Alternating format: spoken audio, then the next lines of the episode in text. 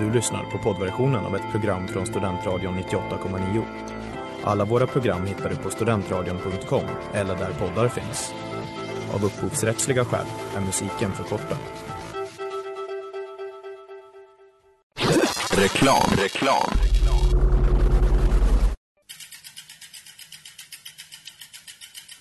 Har du fått punka, krångla växeln eller är cykeln inte lika snabb som den en gång brukade vara? Vänd dig då till Leffes cykel, Uppsalas främsta cykelverkstad sedan 1988. Du hittar dem ett stenkast från Ekonomikum på Sibyllegatan 9 i Luthagen och på leffecykel.se. Klockan är 16. Du lyssnar på Kaosets empiri här på Studentradion 98,9 med mig, Erik Basilon. Och med mig, Silja Eklund. Och vad ska vi prata om idag?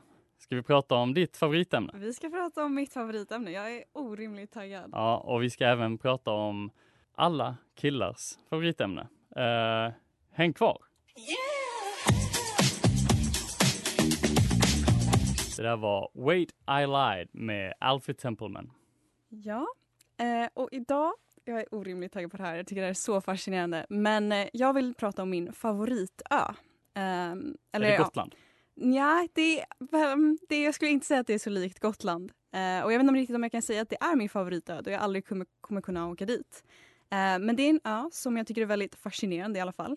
Uh, och som jag kan spendera timmar på att läsa om. och det jag snackar om är Norra Sentinell som är en ö i Bengaliska viken utanför Indien. Och på ön så bor en befolkning som kallas för sentineleserna. Och det är ett folk som har uppskattats bestå av 50 till 400 individer. Och vi vet inte exakt hur många det är som bor där. Då det enligt en indisk lag är förbjudet att åka dit. Mm. Och Det som är så spännande är att sentineleserna är ett av de sista isolerade folken som nästan helt undvikit kontakt med den moderna civilisationen. Och Det uppskattas att de har bott på den här ön de senaste 60 000 åren. Och vi vet väldigt lite om dem, inte ens exakt hur deras språk är uppbyggt. Och en stor anledning bakom varför det är förbjudet att åka dit är för att det är en stor, dels för att det är en stor smittorisk för dessa människor som inte haft någon kontakt med andra civilisationer eh, och därför inte utsatts för de smittor vi har utsatts för. Eh, men det är dessutom så att de här sentineleserna har motsatt sig våldsamt eh, mot i princip alla former av kontakt mot andra människor. I like. Och ett exempel på detta eh, kommer från en händelse från 2018. Eh, och den händelsen var det som fick upp mitt intresse för den här ön.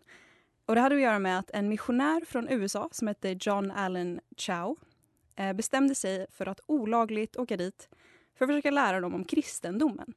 Och han ansåg då att Norra Sentinel var Satans last stronghold on earth.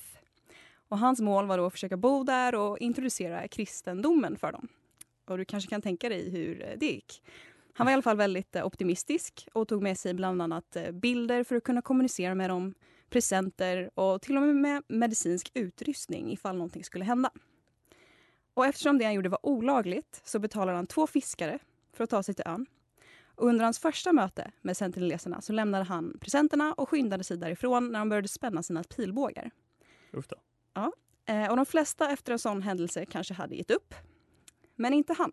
Han bestämde sig för att testa igen. Eh, och han hade en dagbok under den här tiden och i sin dagbok så skrev han att det han gjorde kändes läskigt men att det också kändes värt då han verkligen brann för att introducera idén om Jesus i deras liv. Eh, men när han återvände igen så blev han skjuten eh, och de här fiskarna som tog dit honom rapporterade att de såg när sentineleserna begravde hans kropp i marken. Vad är dina spontana tankar här? Har du hört om det här innan? Eh, nej, nej verkligen inte. Alltså i början när du beskrev den här, då tänkte jag sådär Ah, de har fattat grejen. Det är liksom den, den optimala coronakarantänen. Liksom. Fast, Fast kanske inte kanske, heller. Nej, kanske lite tvärtom också. För de har liksom, om jag skulle åka dit så skulle det liksom vara livsfarligt för dem. Ja, alltså... det är alltså- sant. Ja, de har ju liksom det hade blivit deras död, den här karantänen, kan mm. man ju tänka sig. Mm. Men kan du förstå den här John? Alltså skulle du, om du verkligen brann för någonting, skulle du också våga liksom, testa igen och igen bara för att du verkligen kände att så här, men det här vill jag göra? Ja, igen och igen. Han testade väl två gånger och sen dog han. ja, men han, han åkte tillbaka. Det var modigt. Ja, Ja, det är starkt faktiskt. Alltså han, eh, han verkar ändå vara ganska övertygad om, eh, om sin grej liksom. Eh, så det ska man, han ska väl ha all cred för det liksom. Men frågan är ju, ja det är väldigt svårt att veta vad man ska ha för approach när man ska försöka komma nära in på någon som bara vill ha ihjäl en. Liksom. Mm. Frågan är ju, borde han ha gjort något annorlunda? Liksom? Det, Ja. Han menade ju inget illa. Borde Nej. han ha kunnat, alltså hur visar man det på bästa sätt? Ja, precis. Det är ju, ja, och man kan ju, det är ju väldigt svårt att kommunicera. Alltså jag tänker, han kan ju inte komma dit och säga så, men hallå, jag vill bara göra bra grejer åt er och, och, och tvinga ut satan ur er. Liksom. Mm. Det var Ja. någon som sköt en pilbåge mot hans bibel också, för de har ju aldrig sett en bibel förut. Alltså det är liksom, Ja. Ja, det är satan på den där ön alltså.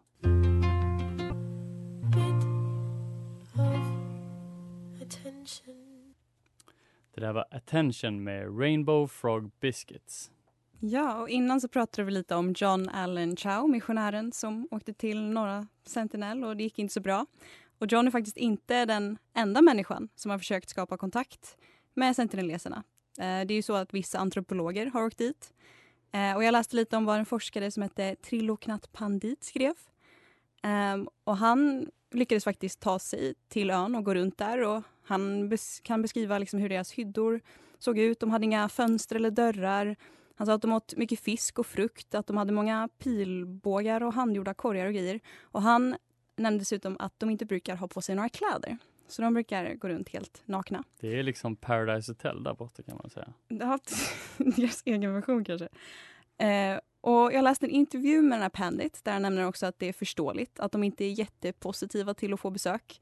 Eh, då ett av de första besöken de fick från omvärlden var från en brittisk soldat som åkte dit på 1800-talet och kidnappade ett äldre par och några barn. Eh, och han åkte med dem till en annan ö där britterna hade ett fängelse. Eh, och då, där dog det äldre paret väldigt snabbt, vilket är ganska förståeligt. Och det är oklart vad han gjorde med barnen. Eh, Men det slutade med att han lämnade tillbaka barnen och kom till slutsatsen att hans experiment inte blev så lyckat. Uh, han skrev till mig i sin bok lite senare att uh, “We cannot be said to have done anything more than increase their general terror of and hostility to all comers”. Så det är inte jätteförvånande att de nu går till attack när de får besök. Typiskt britter på den tiden, eller hur? Precis, precis.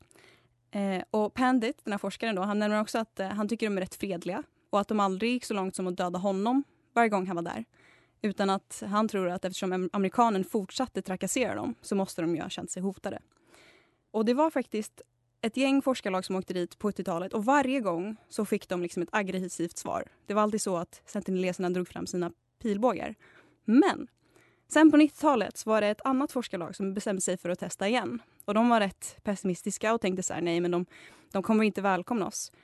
Men det här forskarlaget hade dock en kvinna med sig och det hade inget annat forskarlag haft. Och den här gången eh, så var det ju så att de inte gick till attack direkt. Mm. Det var till och med så att den här kvinnan kunde ge en av sentineleserna en kokosnöt. Och de var, beskrevs som vänliga eh, och det var som att de inte uppfattade forskarna som ett hot längre. Och det är också väldigt intressant eh, och ändå säger lite om deras samhälle. Liksom.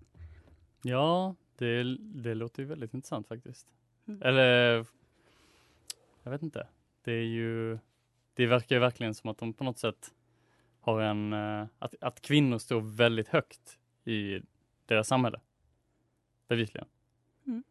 Kanske. Och det är någonting som så här, man vill ju veta, jag vill veta mer men jag inser också att så här, det är klart man kan inte åka dit utan att förstöra för dem. Så då är det så här, man måste liksom på någon nivå acceptera att så här, ja det här är jättespännande och intressant och jag vill veta allt om hur deras samhälle är uppbyggt men, men det är också fel av mig att, att göra det. Liksom. Vad tror du, liksom, vad, om du skulle åka dit, vad skulle du vilja veta om deras samhälle?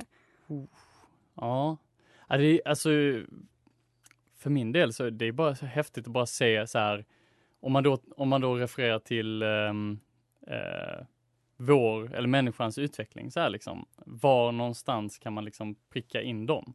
Befin, alltså vilken, eh, vilken, i vilken tidsålder befinner sig deras eh, samhälle?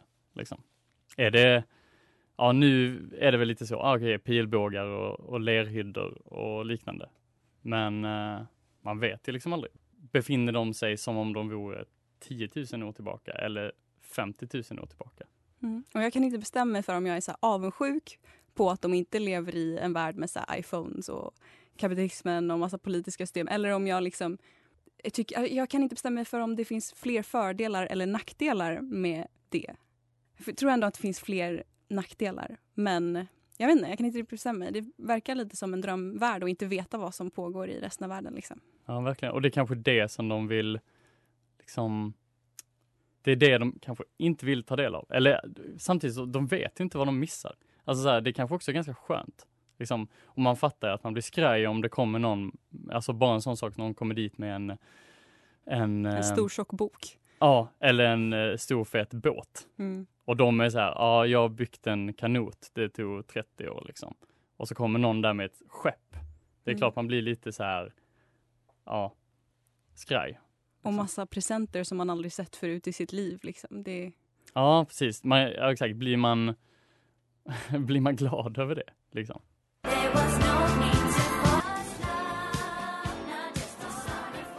det där var Summer Fling med Honey. Eh, och vi har snackat lite om sentinelleserna som bor ju isolerade. Och då undrar jag om du brukar känna dig ensam? Mm. Jo, men eh, det gör man ju ibland. Sen, man känner ju sig ensam, men, men sen, man är ju aldrig helt själv. Alltså själv själv, liksom. Det är, man kommer ju alltid ha, speciellt med om man har en smartphone eller någonting, så är ju allting på en armlängds avstånd. Mm. Liksom. Ja, alla upplever ju ensamhet på någon nivå. Men det finns faktiskt någon som kallas för the loneliest man in the world. Och det är inte jag då. Det är inte du Erik. Nej. Folk går inte runt och kallar dig för the loneliest man in the world. Men det går ju att diskutera om han är the loneliest man in the world eller inte. Och det är då en man i 50-årsåldern som bor ensam i Amazonas i eh, Brasilien. Eh, och de andra i hans stam blev mördade och nu bor han i skogen helt själv och har gjort det sedan eh, 90-talet. Usch då. Och under brasiliansk lag så har ursprungsfolk rätt till att bo där och inte störas. Eh, men det krävs bevis och därför finns det en video på den här mannen som är helt fantastisk att se när han springer runt där i skogen. Eh, och det har skrivits en bok om honom som heter The Last of the Tribe, The Epic Quest to Save a Lone Man in the Amazon. Um, men vi vet väldigt lite om honom då ingen har någonsin kommunicerat med honom. Uh, och den här mannen har då också visat, precis som sentineleserna, att han inte vill bli kontaktad av andra. Då han också har försökt skjuta folk som har kommit nära honom. Uh, och hans stam blev ju mördade, så man kan ju tänka sig vad han har för bild av, av omvärlden. Uh, och han är idag i stor fara, då bönder och andra vill ha marken som han vandrar på. Eh, hans stam påverkades av att en, en väg byggdes i närheten då folk ville använda marken för eh, kommersiella syften. Eh, och Amazonerna har fler stammar som inte har kontakt med omvärlden än någon annanstans i världen. Eh, och jag läste ett citat från en forskare som sa In a way we don't need to know anything about him. But he's a symbol of what we are losing, this tremendous human diversity. Mm. Och för när jag läser det här så vill jag ju bara veta mer. Men jag tycker liksom egentligen inte att jag har rätten att få veta mer utan att det helt förstörs. Liksom. Ja, man önskar att man bara kunde googla någonting och sen så får man reda på det, men det känns som att ja, det blir lite så. Vill man ta reda på någonting så måste man ju också riskera att paja det. Liksom. Precis. Om man hittar någonting på Google så betyder det att några har sprungit in med filmkameror liksom, och det förstör ju hans liv. Och det är också intressant att han kallas för the loneliest man in the world för han är ju liksom, när jag känner mig ensam, då söker jag kontakter och vill vara med folk medan han visar tydligt att så här, nej, jag vill inte bli kontaktad, jag liksom bryr mig inte om vem du är, låt mig vara. Så det går att diskutera, är han verkligen the loneliest man in the world? Han kanske har massa hjärnspöken som han snackar med. Nej, jag vet inte, men det känns som att det är, det är väldigt intressant att tänka så här hur hans, eh, vad är liksom hans mening med livet? Alltså så här, för mycket av det som jag tycker är roligt och meningsfullt involverar ju andra människor, liksom, Um, på ett eller annat sätt. Men han bara så här, nej, jag hittar mat för dagen och någonstans att sova. Och sen, sen gör jag det liksom dag ut och, och dag in då. Men är inte det skönt? För vissa kan ju verkligen hänga upp sig på att så här, nej men jag vet inte vad meningen med livet är så jag vet inte vad jag ska göra idag. Medan om man inte tänker i de banorna, är det inte så att man trivs bättre och mår bättre? Jo, så kan det nog mycket väl vara. Att han har liksom, eh, han har ju på något sätt ett så här, ganska tydligt eh, daily task. Liksom. Det där var I don't like dancing med Jelly Crystal. Ja, och, ja. Eh, och nu kommer ett litet inslag för alla er tech-älskare och inte tecken då som man sover under utan eh, tech, engelska ordet. Um, och ja, en liten killspecial kanske, vem vet. Uh, för under natten mellan torsdag och fredag så gjorde mannen på alla killars läppar ett uttalande som skakade världen. Nej, jag pratar inte om att Dag Tolstoy ska göra en livesänd meditation, utan någonting mycket större än så. Vi snackar Elon Musk, vi snackar Tesla och vi snackar kryptovaluta. Putsa glasögonen nu alla finniga 17-åringar och flaskbottnade datavetare. Lägg undan handkontrollen och dra upp rullgardinen för nu händer det grejer även för er ute i den riktiga världen. Ja, vad är det som har hänt då? Kanske du undrar. Jo, Elon Musk, killfavoriten, som är VD för ett antal coola företag, däribland det alltjämt sexiga bilmärket Tesla. Och han är ju då en inflytelserik twittrare som skrev då häromdagen att Tesla kommer numera inte ta emot bitcoin som betalning om man då vill köpa en Tesla. Och bitcoin för er som är varken datavetare eller killar i allmänhet kan jag berätta är ungefär som tokens som man handlade grejer för på Habbo Hotel. Ungefär, fast för vuxna då. Vad synd, jag som tänkte köpa en Tesla. Ja, precis. Ja, samma här. Uh, för alla mina bitcoins som jag önskar jag hade. Och varför denna helomvändning då? Av Elon Musk som i övrigt spår en ljus framtid för kryptovaluta. Är det för att han ser en risk med att ta emot pengar i form av ettor och nollor på ett påhittat datormynt? Äh, fel. Det handlar om någonting mycket mer woke än så. Det handlar om moder jord. Frågan på era läppar torde nu vara, men snälla Kauses Empiri, hur kan låtsas pengar på en dator vara omiljövänligt? Om det är något som borde vara sant så borde det att det är bättre än att trycka fysiska pengar och fysiskt material. Äh, fel igen. Det är faktiskt så att tillverkandet av bitcoin, så kallad mining, är en superenergikrävande process. Hur i helvete då? undrar ni. Jo, det här själva minandet går i korta drag till genom att superstarka datorer tävlar mot varann i att genomföra ett sorts datorpussel. Och de datorer som får majoritet, det är de som då validerar alla transaktioner som görs med bitcoin eh, i den så kallade blockkedjan. Och vi ska inte gå in på några detaljer här, utan de som fattar, de fattar säkert. Huvudsaken är att det här tar supermycket energi att göra. Och det mesta av den här energin, den kommer i huvudsak från kolkraft. Eh, Silja, eh, ungefär hur mycket, hur mycket energi tror du att det tar att, att driva ett sånt här eh, datormynt? Oj. Tänk att det, alltså det är ändå ganska många i världen som, som sysslar med sånt här. Men ja. det är ändå bara ett, liksom, en liten grej på en dator. Liksom. Det är säkert mycket ändå, kanske hela Stockholm lite mer. Alltså som all, alla hushåll, alla företag i Stockholm. Mm, mm, men det är nog mer än så. Ja, alltså även om man kanske inte tänker att det tar så mycket energi, men det tar alltså lika mycket energi som, hör och häpna, hela Sverige. För att då ja, skapa ett litet så här, eh, mynt som folk köper piller på Darknet med. Och det är ju inte särskilt miljövänligt, tycker då vår jords frälsare och bevarare Elon Musk. Eh, speciellt inte då med tanke på att han eh, sysslar med att göra bilar som ska vara så bra för miljön som möjligt.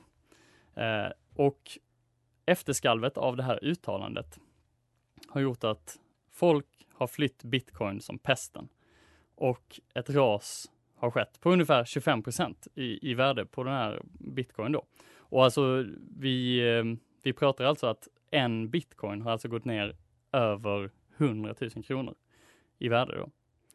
Och det kanske är så att, eller och Elon då, Elon Musk, vår, vår frälsare och tech king som han själv kallar sig själv. Eh, han hälsar dock till bitcoin att de får gärna vara med på tåget om de fixar ett lite miljövänligare coin. Så ja, Elon Musk kanske ändå är vår tids Greta Thunberg. Ändå. Mer än vad vi tror kanske. Och, och sen är det ju framförallt lite skönt ändå att de här bitcoin-människorna ändå får eh, erfara lite nederlag för en gångs skull. Eh, och sen är det ju bra för miljön. Eh, så det blir liksom två flugor i en smäll, helt enkelt. Allt, allt gott igen. Kallar han på riktigt sig själv för Tech King?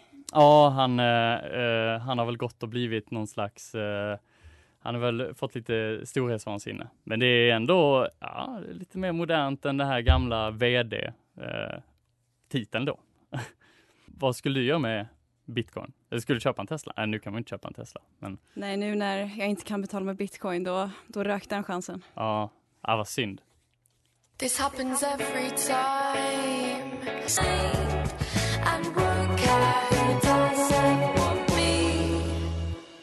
Det där var Every Time med Molly Berman. Och jag måste säga, alltså det där lät ju som ett väldigt komplicerat och stort problem och man blir ju lite avis på Sentinel-läsarna som inte alls har det här problemet. Så här kommer vi och skapar våra egna jättestora problem och så måste Elon Musk bli vår liksom jordfrälsare. Ja, han som kommer ja, ta oss till Mars så att vi kan glömma alla våra problem. Ta oss till vårt lilla Sentinel som kanske blir Mars då. Men också sjukt att tänka på att alla våra problem är liksom problem som vi själva har skapat. Och sen när man tänker på Sentinel-läsarnas problem, då är det också, alltså deras problem är att vi kommer att kidnappa dem. Vi Ja. kommer att visa dem en massa biblar som de inte vill se. Alltså det är liksom, vi skapar våra egna problem och deras problem är orsakade av oss. Ja, De kanske har hittat liksom drömvärlden och så är det vi som bara går runt och skapar en massa problem hit och Ja, dit. de kanske bara lever i den här världen som jag kan tänka mig väldigt många drömmer om. Att eh, ja, men, bo i, på en sån här paradisö, käka lite kokosnötter från träden, gå runt nakna och bada och ha det gött hela dagarna. Alltså dit som folk åker på semester. Ja, precis. Så här, man åker på semester och glömmer bort alla sina problem som vi har skapat ändå. Ja. Skulle du vilja bo på en sån där för evigt? Om det betyder att du inte kunde ha någon kontakt med modern civilisation överhuvudtaget. Är Oj. det lockande? Oj, ehm, alltså grejen är ju att jag tror att det som gör dem, om de nu är lyckliga, alltså det som gör dem, skulle göra dem lyckliga, det är ju också att de inte vet vad de missar. För jag tror att det är nog, det är nog ganska jobbigt att gå från high-tech, eh, liksom bitcoin Tesla-världen eh, och flytta ut på en ö och tänka så här, åh fan, undrar vad det är som händer nu. Fan, det kanske har kommit ut en ny modell av Tesla. Åh, Vad nej. händer på Instagram? Ja, vad hände på Instagram? Åh nej, har de varit på skidsemester där och fått corona? Ja, jag är så avundsjuk. Nej, jag skojar. Men ehm, det, ja, man hade nog, det hade nog varit väldigt svårt att ställa om, tror jag. Ja, verkligen. Men jag märker att så här, jag har, man kollar ju mobilen för att man vill se vad som händer i världen. Så att helt plötsligt vara liksom helt cut off skulle nog, alltså man, blir- man är säkert lycklig om man inte vet vad man missar, precis som du säger. Men jag, alltså, jag tycker det låter jättejobbigt. Alltså, Ja, det är svårt att gå tillbaka. Alltså det blir som att gå tillbaka i tiden liksom. Ehm, och alltså, det, det är det som blir så himla konstigt också för att de som lever på det sättet, många nu, alltså, eh, som, man, som man själv ser, eh, flyttar ut till någon stuga i Sverige eller någonting, uppe i fjällen. Jag menar, vi ser ju det för att de lägger ut det på Instagram. Så de är ju inte helt cut off, liksom. Ja, det, är- det är himla märkligt på något sätt. men då är det fortfarande folk som kommenterar bara vad skönt att komma bort liksom. Men har man verkligen kommit bort? Ja, precis, precis. Nej, exakt. Det nya komma bort måste ju ändå vara att lämna allt för evigt. Alltså allt, allt. För evigt, för evigt. Mm. Till exempel att följa med till Mars. Börja om där. Ja. Ja, men det är det som är himla intressant att Elon Musk, eh, han vill ju åka till Mars. Och ehm, det är ju, de kanske blir liksom de nya sentinelläsarna. Sa jag det rätt? Jag tror det. Ja. Att de får leva där, fast de kommer väl ändå ha lite så här mobil och sånt, men eh, det är väl lite fördröjning och sådär. Så de kommer inte få veta allting Nej. inom 20 minuter. Och vi är vana vid att veta allting på sekunden. Liksom. Ja, exakt. Allting, allting nu. 0, Nu. 0, 0, 0. Nu fyller den här personen år. Ja. Det är så här. Och jag måste skicka grattis. Oj, oj, oj. oj. Mm. Ja. Nej, det är, eh, man får ett jävla konstigt eh, perspektiv på tid känns som. Nu för tiden. Det känns som de eh, de är så här, ja nej men eh, vad var det som hände egentligen för 10 000 år sedan? Nej jag vet inte. De måste ju ändå ha så här Eller det känns som de är mycket mer här och nu. Det är som så här, okej, har jag, har jag fixat någonting att käka idag? Ja. Har jag badat i havet? Ja, nice. Mm. Det är ju någonting som många sträv, strävar efter. Ja. Kunna leva mer här och nu. Sen ska vi kanske inte förhärliga det heller. Nej. De, eh, de kanske dör i böldpest och allt möjligt. Nej, det gör de väl inte, för då hade de varit döda. Bara om vi kommer och förstör. Ja, just det. Just det.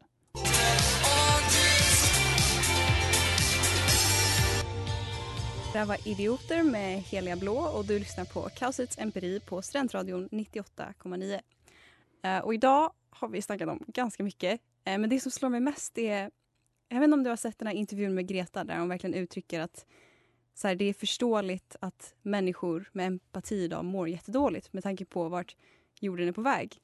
Och då att koppla det här till att så här, vi har skapat massa problem för oss själva som också kommer påverka sentineleserna. Men det vet de ingenting om. Nej. Det är liksom vi som är medvetna om det mår ju jättedåligt över det och försöker göra vårt bästa. Men vi tänker inte på att det påverkar en massa andra människor som inte har någonting med det att göra. Ja, verkligen. Ja, alltså det hade ju varit mer rimligt om alla hade fått ha sin egen planet, typ, som man själv kunde förstöra, förstöra liksom. Varje person eller hur tänker du då? Ja, men varje samhälle, om de i alla fall kunde, det kanske är sentineleserna vi ska skicka till Mars. Nej, jag vet inte. De förtjänar det. Alltså, vi förtjänar De inte förtjänar. att... Det Liksom, låter som ett straff. nej, det var... Det är ju Satans last stronghold. Nej, Nej, jag vad hemskt. Snarare typ så här, förlåt att vi har skapat det här problemet. Varsågoda, börja om utan oss liksom. Ja, precis. Hoppas ni klarar det. Ja, we trust you. Det, det är nästan som man hoppas att hela eh, coviden kommer slå ut alltihopa så att de bara får leva i harmoni med, med jorden igen. Alltså, ja, det är alla problem är liksom, som också påverkar dem. Är så här, det är vårt fel. Ja, ja precis. Eller att vi, eh, ja precis, hela, hela resten av mänskligheten slås ut så de, de slipper påverkas av bitcoin och Tesla och, och kryptovalutor och allt möjligt. De bara, nej men vi, vi lever vidare, käkar lite fisk, käkar lite papaya kanske. Lever lite gött. Ja, vilken dröm alltså. Ja.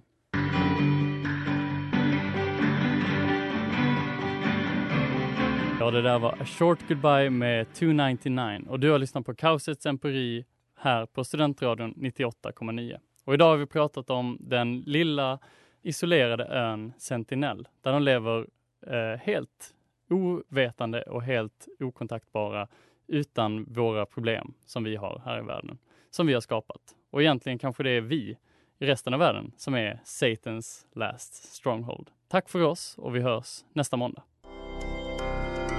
Du har lyssnat på poddversionen av ett program från Studentradion 98,9. Alla våra program hittar du på studentradion.com eller där poddar finns. Och kom ihåg, att lyssna fritt är stort, att lyssna rätt är större.